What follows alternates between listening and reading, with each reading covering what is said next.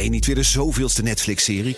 Kom naar de Monday Moves van BNR. Op maandag 18 maart zal op het podium Arend-Jan Boekenstein, Michal van der Toren, Geert-Jan Haan en Bernard Hammelburg.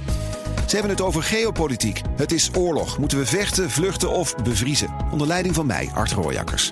18 maart dus in het De La Mar Theater in Amsterdam. Check bnr.nl slash mondaymoves. Op 22 november gaat Nederland naar de stembus. En om orde te scheppen in de chaos van debatten, relletjes en proefballonnen, is het FD voor jou in de verkiezingsprogramma's gedoken. Om te kijken wat de verschillende partijen nou echt willen op het gebied van de woningmarkt, de economie, het klimaat, migratie en financiën. In deze podcast gaan we het met je hebben over de keuzes die ze maken. Waarop kan jij straks stemmen?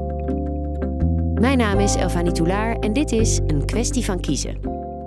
Iedereen wil regie, maar niemand wil natuurlijk bemoeienis uiteindelijk. dus als, als gemeente vragen om regie, bedoelen ze eigenlijk te zeggen: kun je iets doen aan die provincies die op onze nek zitten.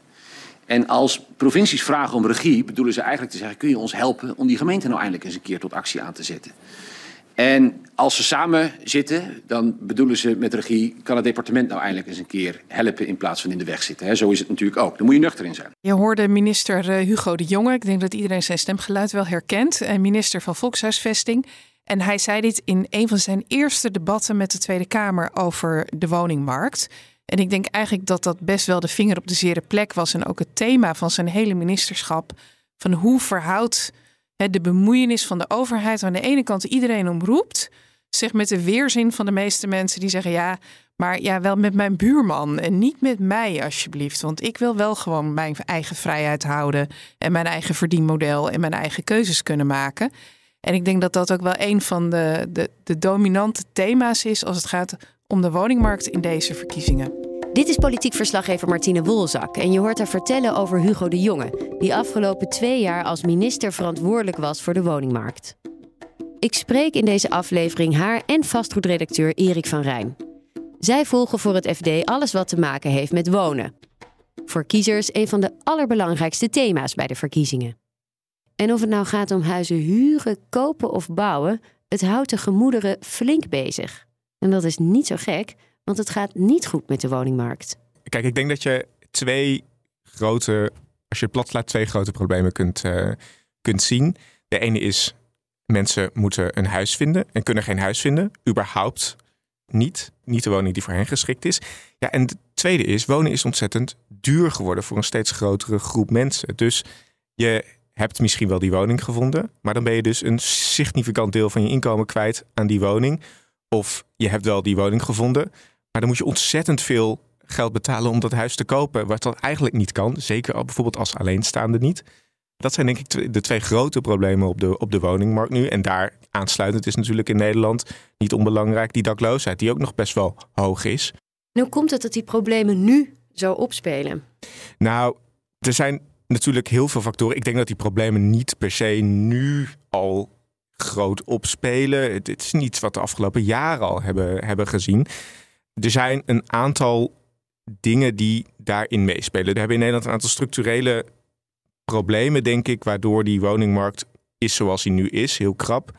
Het eerste is bijvoorbeeld dat de, we de bevolkingsgroei de afgelopen jaren enorm hebben onderschat. Telkens weer bleken er toch weer meer mensen naar Nederland te komen expats, uh, asielzoekers en arbeidsmigranten die ervoor hebben gezorgd dat onze bevolking toch iets sneller groeit dan we dachten.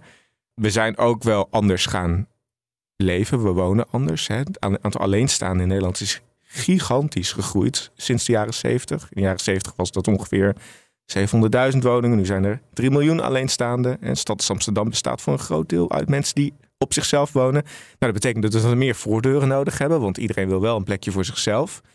Wat denk ik ook een grote rol speelt, is natuurlijk dat we te weinig gebouwd hebben de afgelopen jaren. Zeker de crisisjaren is die bouw enorm teruggevallen. Nou, en als je die optelsom samenneemt, dan kom je dus tot de conclusie dat ja, heel veel mensen in Nederland niet de woning kunnen vinden die ze graag willen. Nu ehm, is het verkiezingstijd, Martine, en uh, worden er dus allerlei verschillende oplossingen aangedragen. Hoe hebben deze problemen politiek denken beïnvloed? Ik ben zelf uh, verslaggever uh, vastgoed geweest. Ik denk nou, jaren 15 geleden alweer, tijdens de vorige vastgoedcrisis. En toen was het denken over wonen was eigenlijk heel erg, we moeten liberaliseren, we moeten vrijgeven. We hebben een grote sociale huursector in Nederland. We hebben koopwoningen in Nederland. En ertussen hebben we een relatief kleine vrije huursector. En toen was het idee, als we nou maar zorgen dat we een grotere vrije huursector krijgen en meer marktwerking, dan zal dat dat probleem gaan oplossen. Dan wordt er als vanzelf meer gebouwd, zal wonen goedkoper worden, kunnen mensen makkelijker vanuit sociale huur doorstromen naar vrije sector huurwoningen. En uh, gaan dus ook de wachtlijsten, die toen ook al heel erg lang waren, worden die van als vanzelf korter. Dat was de tijd dat de laatste minister van Volkshuisvesting voor Hugo de Jonge, die we net hoorden, Stef Blok, internationaal de boeren opging om uh, mensen te verleiden in Nederland uh, te gaan investeren in wonen. That is very clearly a positive sentiment because people see that uh, we made the investment environment better by deregulating the rental sector. we created the possibility to increase rents more. We bring back the social housing sector to their core business, social housing, and thereby creating a level playing field for the commercial rental sector. We see that there is a lot of interest from Dutch households to uh, find rental housing. Um, Dit was Blok op zo'n uh, beurs voor, uh, voor vastgoedbeleggers. Om mensen te verleiden van nou kom met je geld naar Nederland. En nu lijkt bijna een soort tegenovergestelde beweging plaats te vinden. Sinds de vorige verkiezingen uh, en Hugo de Jonge dus minister is geworden, is juist eigenlijk het idee geweest: er is veel te veel vrije sector huurwoningen zijn in handen gekomen van commerciële beleggers. Sociale huurwoningen zijn in handen gekomen van commerciële beleggers. Huren zijn veel te hard gestegen. Particulieren hebben ook woningen opgekocht, want ja, er was geen uh, spaarrente. Dus als je nog een beetje wat, wat rendement op je vermogen wilde hebben, dan stak je dat dan in huizen. Tenminste, hebben heel veel mensen gedaan. En heel veel kritiek op hun opstelling en dat zij veel te hoge huren zouden vragen. En daar is dit vorige kabinet, wat gevallen is, enorm op gaan terugduwen. Nou, daar hebben we de afgelopen weken ook heel veel over gelezen. Die partijen zich nu weer terugtrekken uit de markt. En als je nou de verkiezingsprogramma's erop naslaat, dan zie je dat eigenlijk die strijd tussen overheid moet naar voren stappen of juist naar achteren, dat dat echt wel het centrale thema is. Daarop aanhakend, je hebt natuurlijk bijvoorbeeld ook de, de, de rol van de corporaties, die is natuurlijk de afgelopen jaren ook redelijk gedecimeerd. Nou, er waren er ook wel redelijk zelf de bed aan, gezien alle schandalen die zich daar uh, tijdens voor de vorige crisis hebben afgespeeld. Hè, met, uh, met de Maseratis en uh, dingen die allemaal niet goed gingen. Parlementaire enquête die toen is gekomen in 2014 naar de hele corporatiesector. En die, die sector is eigenlijk een beetje in zijn, in zijn hok teruggeduwd. Dus aan de ene kant zei, zei de vorige kabinetten, we moeten de markt meer ruimte geven. En dat betekende dus ook dat dat ten koste ging van bijvoorbeeld de woningcorporaties. Een enorm stelsel waarin we in Nederland al jarenlang zorgen voor voldoende betaalbare woningen voor heel veel mensen. En hen werd het juist met bijvoorbeeld de verhuurderheffing, hè, grote belastingheffing, moeilijker gemaakt om te doen wat ze deden, namelijk ook vooral nieuwe woningen te, te, te maken gezien de wachtlijsten die daar ontstaan, zie je dus ook dat het daar, daar enorm knelt. En ook daar zie je huidige kabinetten, het huidige kabinet, of het vorige demissionaire kabinet, moeten we zeggen, uh, zie, je, zie je daar eigenlijk op, op dat die daarop terug hebben gedeeld. En dat je eigenlijk wil dat die corporaties weer wat meer in een positie komen, dat ze leidend worden, ook in die woningbouw. Ik denk ook dat je dat ook goed terugziet in de verkiezingsprogramma's. Uit peilingen blijkt er, Martine, eh, keer op keer natuurlijk dat de woon crisis en de problemen op de woningmarkt in het algemeen uh, een heel belangrijk onderwerp is voor de kiezers. Is het ook een onderwerp waarmee partijen zich uh, heel erg profileren? Nou, uh, zeker. Ze, als je in de programma's kijkt, bijvoorbeeld de BBB heeft het meteen als tweede hoofdstuk. Ook flink wat pagina's, flink wat punten. Het is alleen een heel erg lastig onderwerp om je op te profileren. Bijvoorbeeld even een paar, paar kreten uit die programma's. Um, we zetten in op een betaalbaar, leefbaar en bereikbaar thuis voor iedereen. Is de ene partij. De volgende schrijft een betaalbare woning voor iedereen. Fijn en betaalbaar dak boven je hoofd. Iedereen heeft recht op een goede en duurzame woning. Dit zijn vier verschillende partijen. En ze komen eigenlijk allebei met een soort containerbegrip waar je ja, fijn betaalbaar wonen. Ik kan me niet voorstellen dat iemand daar tegen is. Geen idee welke zin vanuit welk partijprogramma komt. Nee, nou de laatste kan je misschien nog een kleine hint. Iets met duurzaam. Dus dat was GroenLinks en PvdA. Uh, maar uiteindelijk, ja, dat is wel heel, heel veel nuance. Dus in doelstelling is eigenlijk iedereen het met elkaar eens. Iedereen wil bouwen, iedereen wil dat het betaalbaar is en dat we allemaal fijn kunnen wonen. Ja, maar ze hebben allemaal hun eigen ideologieën. En als je dan doorleest, hoe verschilt zich dat dan in de oplossingen? Nou, het spannende komt inderdaad in hoe vertaal je dat in de hoe. Hoe ga je dat dan doen, dat fijn en betaalbaar wonen? En als je dan kom je verder, en dan zegt bijvoorbeeld de BBB, waar ik het net ook over had, hè, geen kapitaal de markt uitjagen. Uh, dat is heel wat anders dan wat PvdA en GroenLinks schrijven. Wij gaan woningen weer zien als een basisvoorziening in plaats van een verdienmodel voor pandjesbazen en overzeese investeerders. En daar zit de ideologische spanning. En dat zie je dan in die programma's wel heel erg terugkomen. Dat ze allemaal zeggen ze, we vinden dat de overheid regie moet nemen. Zoals Hugo de Jonge uh, zei. Maar wat er in de praktijk onder wordt verstaan, dat verschilt enorm. De VVD vindt bijvoorbeeld, de overheid moet nieuwe plaatsen kunnen aanwijzen om woningen te bouwen. Dus vooral woningbouwlocaties, dat is waar de overheid moet gaan ingrijpen. En voor de rest moet ja, de markt wel zijn werk kunnen doen. Bij uh, PvdA GroenLinks is het nee, volkshuisvesting is een overheidstaak. Die willen veel meer ruimte geven weer aan die woningbouwcorporaties. Die willen bijvoorbeeld dat die geen winstbelasting meer hoeven te betalen. Dat noemen zij de nieuwe verhuurdersheffing. Dat was een van de, van de redenen waarom woningbouwcorporaties de afgelopen jaren minder hebben gebouwd. Doordat ze veel moesten afdragen via die verhuurderheffing. Nou, ze moeten nog wel winstbelasting betalen. Vinden dat moet er ook af. Hebben ze nog meer geld om te bouwen. Uh, de VVD vindt juist, ja, laat, laat marktpartijen hun werk doen. Hoe denken die nieuwe opkomende partijen, zoals het Nieuw Sociaal Contract en de BBB hierover? Ja, de BBB heeft zoals gezegd een heel uitgebreid uh, programma. Hebben overigens het verwijt gekregen dat ze zich hebben laten influisteren door een pandjesbaas vanuit de ChristenUnie. Uh, en daar zijn ze heel boos over. Dus bijvoorbeeld omdat ze dus dat onderzoek willen laten doen naar die regulering van de huren. Maar daar hebben ze nog lang geen nee tegen gezegd. Als je kijkt naar Pieter Omtzigt, daar weten we nog heel veel niet van wat hij precies wil. Maar zijn centrale thema en van zijn partij is bestaanszekerheid. En hij heeft wel een paar keer uitgelegd dat het hem daarbij niet zozeer gaat om bijvoorbeeld een hoger wettelijk minimumloon, maar meer om te zorgen dat voorzieningen die echt van belang zijn voor mensen om te kunnen overleven, een woning, voedsel, energie, dat dat betaalbaar moet zijn. Nou, dat suggereert dat hij wel open staat voor enige mate van regulering van, uh, van huren. Ook voor de wat uh, buiten de sociale huurwoningen. Wat je ook kunt zien nu in zijn kandidatenlijst, op de nummer 10 staat een directeur-bestuurder eh, van een woningcorporatie. Dus je zult wel zien, denk ik, dat die corporatie in zijn programma um, ook een rol krijgt om die bestaanszekerheid voor mensen te kunnen garanderen.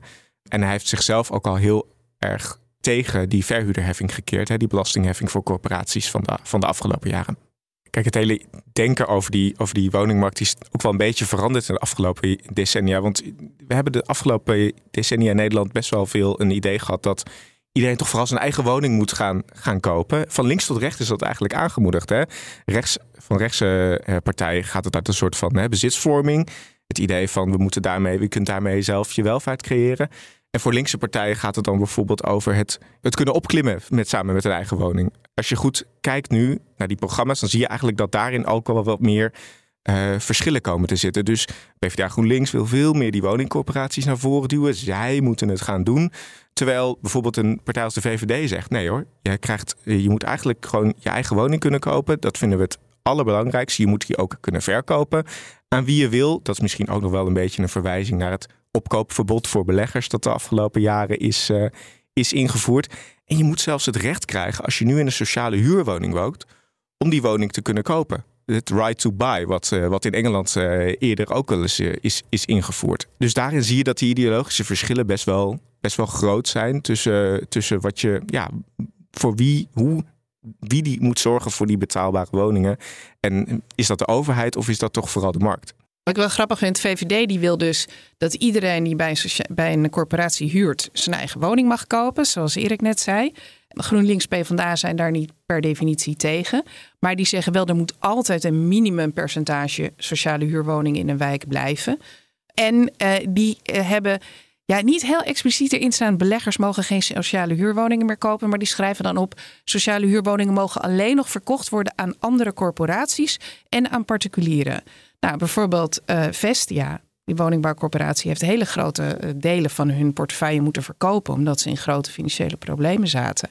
Ja, die zijn voor een flink deel naar institutionele partijen gegaan. Het is jarenlang heel gebruikelijk geweest dat je nou, gewoon een hele, hele bubs woning in één keer verkoopt als corporatie. En dan heb je weer geld om nieuwbouw neer te zetten. Dus zo'n zo'n impliciet verbod om aan beleggers te verkopen. Ja, ik vind dat wel opmerkelijk. Ja, zeker. En vooral ook omdat woningcorporaties hier waarschijnlijk zelf ook niet heel blij mee zullen zijn. Omdat zij zeggen altijd, ja, voor die ene woning, die, voor die ene oude jaren 70 woning die wij verkopen, kunnen twee of drie nieuwe woningen bouwen. Waar dan weer mensen van onze wachtlijsten in kunnen. Dus dat lijkt me ook wel een heikel punt voor die, voor die corporaties. We hebben uh, nu een demissionaire woonminister die al allerlei plannen heeft bedacht, onder andere om de huren te reguleren. Blijft daar nog wat van over? Nou, ik denk dat dat best spannend wordt. Eh, de VVD bijvoorbeeld heeft echt expliciet afstand inmiddels genomen van uh, de wet betaalbare huur, zoals dat heet. Die is wel in consultatie, daar mogen mensen op reageren, ligt inmiddels bij de Raad van State. Uh, gaat denk ik niet meer voor de verkiezingen naar de Tweede Kamer komen. Er is een motie geweest van de groep van Haga, BVNL moet ik eigenlijk uh, geloof ik inmiddels zeggen. Zo doen ze in ieder geval mee naar verkiezingen. Om die wet in te trekken en de VVD heeft daar toen in meegestemd. De andere partijen houden de boot nog een beetje af, maar de BBB bijvoorbeeld schrijft wel in hun verkiezingsprogramma: ja, die wet betaalbare huur, daar willen wij nog eens even heel goed naar kijken. En die reguleert eigenlijk uh, de huren van een deel van die vrije sectorwoningen waar we het net over hadden. Tot nog toe zijn de huren in Nederland gereguleerd van sociale huurwoningen. En daar kan je punten voor krijgen. Dus tot 142 punten, afhankelijk van de kwaliteit van je huis, de waarde van zo'n woning, uh, is de huur gereguleerd. Daarboven mag de verhuurder gewoon vragen wat hij wil. Nou, dat wil de jongen optrekken naar, corrigeer me even, 187. 187, ik dacht 186. Daar is zeker vanuit de, een deel van de verhuurders heel veel verzet tegen. De VVD vindt het te ingewikkeld, te ver gaan, komt met een alternatief. Die wil uitgaan van de bestaande gemiddelde huren. En dat betekent vooral, zonder er al diep op in te gaan, dat je bijvoorbeeld in Amsterdam veel meer huur voor een woning zult mogen vragen dan uh, nou, in een dorp uh, in, uh, in Overijssel bijvoorbeeld. En dat zou, zeggen ze, ja, daar meer rekening mee, te mee houden, zouden zij heel terecht vinden. Ik denk dat het exacte wetsvoorstel zoals het nu ligt, als je kijkt naar de programma's, dat het best wel spannend kan worden of dat een meerderheid gaat halen na de verkiezingen in de Tweede Kamer. Maar sowieso gaat het in de Eerste Kamer het heel zwaar krijgen. Kijk, die regels zoals ze er nu zijn, ze kunnen ook nog verder uitgebreid worden natuurlijk. Er zijn ook, stel we gaan linksaf, dan krijg je met Partij van de Arbeid GroenLinks uh, een partij aan het roer die zegt: ja, trek dat puntenstelsel maar op tot 250 punten. Dus dan krijg je een hele huursector die helemaal gereguleerd is. Terwijl al wat meer rechtse partijen zoals de VVD dus zeggen... Ja, we, moeten dat, moeten juist nu een stukje stapje terug doen. De BBB heeft ook gezet, laten we het in de ijskast zetten. Laten we eerst eens onderzoek doen. Ja, kijk, de, de regulering die er nu ligt... die wordt door de marktpartijen, vooral door particuliere vastgoedbeleggers, echt gehaat. Die zijn ook voor het grootste deel nu al woningen aan het verkopen. De institutionele beleggers, waarvan Hugo de Jonge altijd heeft gezegd, ja, die moeten we juist betrokken houden. Hè. als, zolang die regulering die institutionele beleggers, hè, die pensioenfondsen, niet zo hard raakt, dan kunnen we daar wel mee doorgaan. Ja, die zijn niet zo hard geraakt hierdoor, omdat die eigenlijk al voor een groot deel hun oude huurwoningen hebben verkocht. En, hun, en vooral, vooral nieuwe woningen uitbaten. Waar het punt ook vooral heel erg zit, uiteindelijk wil iedereen dat er meer van dit soort huurwoningen gebouwd gaan worden. Hè? In de middenhuur. En het dilemma is natuurlijk op dit moment: iedere middenhuurwoning die je erbij bouwt, is binnen no time geen middenhuur meer, maar gewoon een hele dure huurwoning. Um, als je niet reguleert. Maar als je wel reguleert, vind je dan voldoende mensen die die woningen nog willen bouwen. En dat is een soort catch-22, waar nou, op basis van de ideologische kleur partijen uiteindelijk kiezen wel reguleren of niet reguleren. Maar het is, het is een heel wankel evenwicht. Je noemt het al even, bouwen. Er moet gebouwd worden. En hoe willen de verschillende partijen dat voor elkaar krijgen? Nou, iedereen roept bouwen, bouwen, bouwen, bouwen. Om een zeker VVD-Kamerlid te citeren. Daar is eigenlijk iedereen het wel mee eens. Maar hoe ze dat voor elkaar willen krijgen, ja, eerlijk gezegd, als ik zelf die plannen lees, denk ik wel eens, jongens, ik zie het ei van Columbus niet. Uh, nou, nou, de VVD wil grote woningbouwlocaties aanwijzen. Daarvan zegt de volgende partij weer van ja, maar je moet juist binnenstedelijk bouwen. Bijvoorbeeld uh, D66 vindt dat dat beter en goedkoper is. Volgens de VVD is het duurder. Nou, deze wel eens niet dus discussie, die gaat echt al, nou, ik weet niet hoe lang, maar die loopt echt al heel erg lang. Dus of dat nou het ei van Columbus gaat worden, ik weet het niet. Stikstof is natuurlijk een, een hindernis voor bouwen. Eigenlijk steeds minder doordat er uh, geloofd wordt dat er te veel stikstof uitgestoten wordt bij het bouwen zelf. Maar vooral door alle regels. Je moet een vergunning aanvragen. Daarvoor heb je iemand nodig die al het cijferwerk doet. Die hè, precies uitrekent hoeveel stikstof je dan uitstoot. Of dat past binnen de ruimte. Nou, die mensen, er zijn er te weinig van. Dat zijn problemen die je niet 1, 2, 3 oplost. Dus dit is wel het onderdeel. En zeker als je er dan ook nog het woordje betaalbaar aan toevoegt. Dat ik denk, nou jongens, succes. Ja, hoe ga je dat doen inderdaad? Want ja, we hebben natuurlijk de afgelopen demissionaire kabinet heeft bijvoorbeeld de regel ingevoerd dat er uh, toch wel het liefst zagen dat er in elke gemeente 30% sociale huurwoning gebouw, kwam. Nou, dat heeft Hugo de Jonge dan allemaal afgezwakt toen er echt iedereen bijna zo'n beetje over hem heen viel van dat gaan we toch niet doen. En hier is helemaal geen vraag naar een sociale huurwoning, zeker in de rijke gemeente. Dat hij zei, nou, begin eens met 30% sociale woningbouw bij de nieuwbouw. Doe dat eens. Nou, en toen was de wereld eigenlijk bij veel gemeenten nog te klein. Dat laat ook maar weer eens zien hoe dat de overheid wel de regie kan nemen, zoals Hugo de Jonge dat heeft gewild. Maar dat je ook zo ontzettend afhankelijk bent van externe factoren en alle andere partijen die ook een zegje willen hebben over waar, wat en hoe er gebouwd wordt en voor wie. Erik, uh, iets wat in bijna alle verkiezingsprogramma's staat, is een straatje erbij. Dat zou de problemen oplossen. Ja, dat klinkt toch wel overzichtelijk. Ja, dat zou je wel zeggen, inderdaad. Ja, een straatje erbij in elk dorp en dan ben je al een heel eind. Ja, dit is een, dit is een, een idee dat eigenlijk vanuit het uh, Economisch Instituut voor de Bouw is, is gekomen. Dat is het uh, rekenorgaan van, uh, dat wordt gefinancierd door alle bouwpartijen. En het idee is eigenlijk dat ze zeggen van ja, je kunt wel allerlei grootschalige dingen gaan doen. Maar als je nou zorgt dat je in elke dorpskern er een klein straatje bij doet kleinschalige woningbouw, helemaal niet groot, dan, dan, kom je, dan kom je dus al een heel eind met die, met die woningbouw. En hoef je niet dat hele gekonkel zoals we het daar net over hadden, over die gnephoek van hoeveel duizenden woningen moeten hier wel niet komen. Dat sla je daarmee eigenlijk een beetje over. En je zou er ook nog mee voor kunnen zorgen dat er daarmee ook woningen komen voor de mensen die daar zelf wonen. Hè? Want dat is vaak ook het verwijt. Er wordt al veel geconcentreerd op de grote steden. Terwijl ja, jongeren die graag op het platteland willen wonen, die komen er nu niet tussen. Voor die mensen zou je ook moeten bouwen. En dat kun je daarmee dan eigenlijk oplossen. Ja, dat is heel overzichtelijk. Alleen de vraag is natuurlijk wel een beetje. Is het zo simpel als het, als het, als het lijkt? Nou ja, het antwoord is eigenlijk nee. Want je moet alsnog een groenstrook opofferen. Je moet alsnog met die provincie op tafel om te zorgen dat je die woning kunt bouwen daar. Dus maar het is wel iets wat bijvoorbeeld, dat is een geluid wat bijvoorbeeld denk ik bij heel veel middenpartijen, zoals een BBB, zoals een CDA, het heel goed doet, omdat die toch ook wel graag die kiezers willen aanspreken uh, in, binnen die dorpskernen natuurlijk. Bij het CDA zie je dat in het programma benadrukken zij heel erg niet alleen het bouwen zelf, maar het bouwen van gemeenschappen. Een stad, een dorp, het is een gemeenschap en niet alleen een verzameling huizen. En zij hebben dat idee van een straatje erbij echt volledig omarmd. Hugo de Jonge, uiteindelijk toch ook een CDA-minister, die gaat zich ook nog de komende maanden in zijn, zijn demissionaire periode, zal waarschijnlijk nog wel even duren, namelijk met de formatie die ook nog moet komen, hier ook echt hard voor maken. Maar de vraag is dan natuurlijk, en ja, daar, daar hintte Erik ook al op, wie koopt vervolgens die huizen of wie gaat daar het huren? Voorbeeld wat ik zelf wel een beetje ken is Noord-Holland. Ik woon zelf in Amsterdam. Uh, en Noord-Holland kent ook veel kleinere gemeenten die heel graag zo'n straatje erbij willen bouwen. De provincie ligt daar dwars. Die zegt dat mag niet, want het is bouwen in het groen. Je hebt veel mooie natuur, duinstroken. Daar mag niet, uh, mag niet aangetast worden. En de gemeente wil wel. Nou, stel dat dat nu wel mag. Dan ga je daar dus zo'n straatje erbij bouwen op 20, 25 minuten rijden van Amsterdam. Drie keer raden wie die huizen gaat kopen.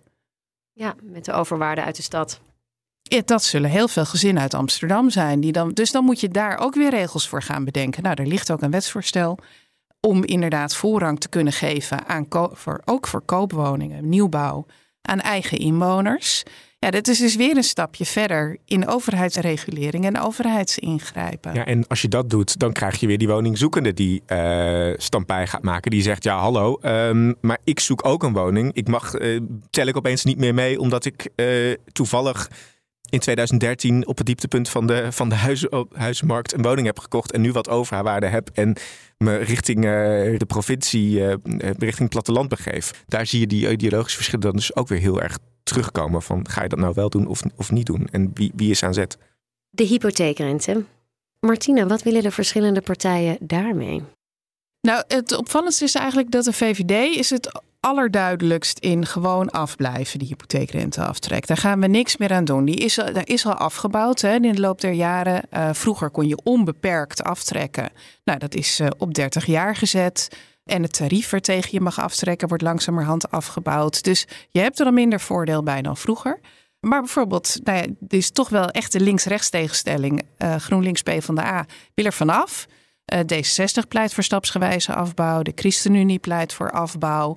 Uh, dus hele, ja, daar zit echt wel een tegenstelling. En de nuance zit hem in hoe snel die hypotheekrenteafbouw dan helemaal wordt. Uh... Ja, de ene is iets concreter over hoe ze het willen aanpakken dan de ander. Dat is eigenlijk vooral in die verkiezingsprogramma's. Het blijft ook vaak wel een beetje nog globaal wat, wat ze daar. Maar de VVD is heel expliciet in gewoon afblijven. En die pleit juist bijvoorbeeld voor verruiming op een aantal punten. Dus dat je weer starters, hè, dat die zich makkelijker kunnen financieren.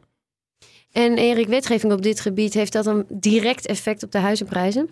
Nou, deels wel. Ja, het is maar net hoe je het bekijkt. Maar wat in ieder geval wel belangrijk is, is de huizenprijzen worden voor een groot deel bepaald door de hoeveelheid geld die wij kunnen lenen voor de aanschaf eh, van een woning. En dat is in Nederland nog altijd erg veel. Je kunt in Nederland nog steeds 100% van de taxatiewaarde lenen voor een woning. Dat is in andere landen echt niet zo. Dan moet je veel meer eigen geld meenemen. Dus die hypotheekrenteaftrek die, die, heeft, uh, die had de afgelopen jaren denk ik niet zo'n vreselijk groot effect. Um, omdat die rente historisch laag was. Hè?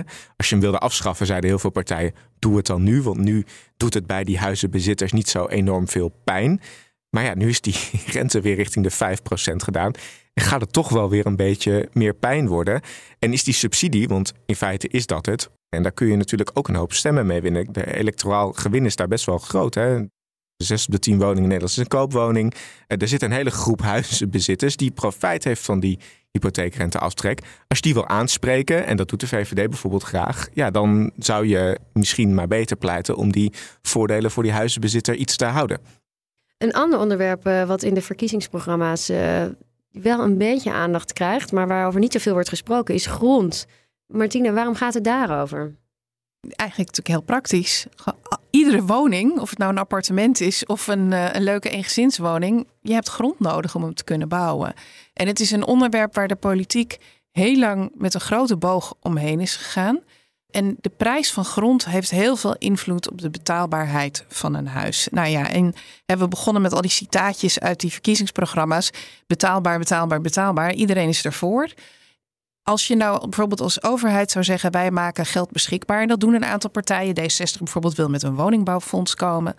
Om meer te gaan bouwen. En er is een, eh, een doorbouwgarantie waar partijen voor zijn. Ook, dat onder andere PvdA GroenLinks. Ja, als je niet oppast, dan loopt dat geld eigenlijk gewoon letterlijk de grond in. Daar worstelen partijen ontzettend mee om daar een slot op te zetten. PvdA GroenLinks komen met het voorstel om een planbatenheffing in te voeren. Nou, als een praktisch voorbeeld. Je hebt een weiland. Als boerengrond is dat minder waard dan om op te bouwen. Zodra je erop gaat bouwen, stijgt de waarde van die grond ontzettend. Op dit moment is zo'n waardestijging grotendeels voor de grondeigenaar. Niet helemaal, er valt wel wat op af te dingen, maar grotendeels. Bij een planbatenheffing zou je belasting moeten betalen over die waardestijging. Want je profiteert eigenlijk van dat de overheid de bestemming van de grond verandert. VVD en BBB komen met een voorstel om als iemand grond die geschikt is als bouwgrond lang braak laat liggen, om daar een extra belasting op te heffen. Een soort leegstandsbelasting, maar dan voor grond. Nou, dat dit soort onderwerpen opkomen, dat is echt wel, uh, wel nieuw. Ja, dat hebben we heel lang niet gezien. Die, die, die discussie is eigenlijk al decennia lang kalt gesteld. In de jaren zeventig is er ooit eens een uh, kabinet over gevallen, kabinet Den L, over de vraag van ja, moeten we nou eigenlijk die grond uh, belasten? Nou, daar was destijds enorm discussie over, want links wilde dat wel graag, maar rechts partijen zoals CDA die, die hadden zoiets van ja, dan zit je de boeren tegen. Dus hè, die, moeten, die boeren, die grondeigenaar, die moet toch eigenlijk wel in zijn recht staan. En we zien nu dat dat onderwerp weer terugkomt, omdat iedereen lijkt er wel wat meer van doordrongen dat die grondwaarde van grote invloed is op wat je er gaat bouwen, voor welke prijs en of het daarmee betaalbaar is. Deze minister, overigens ook al na de val van het kabinet, heeft een opdracht gegeven voor een zogeheten interdepartementaal beleidsonderzoek.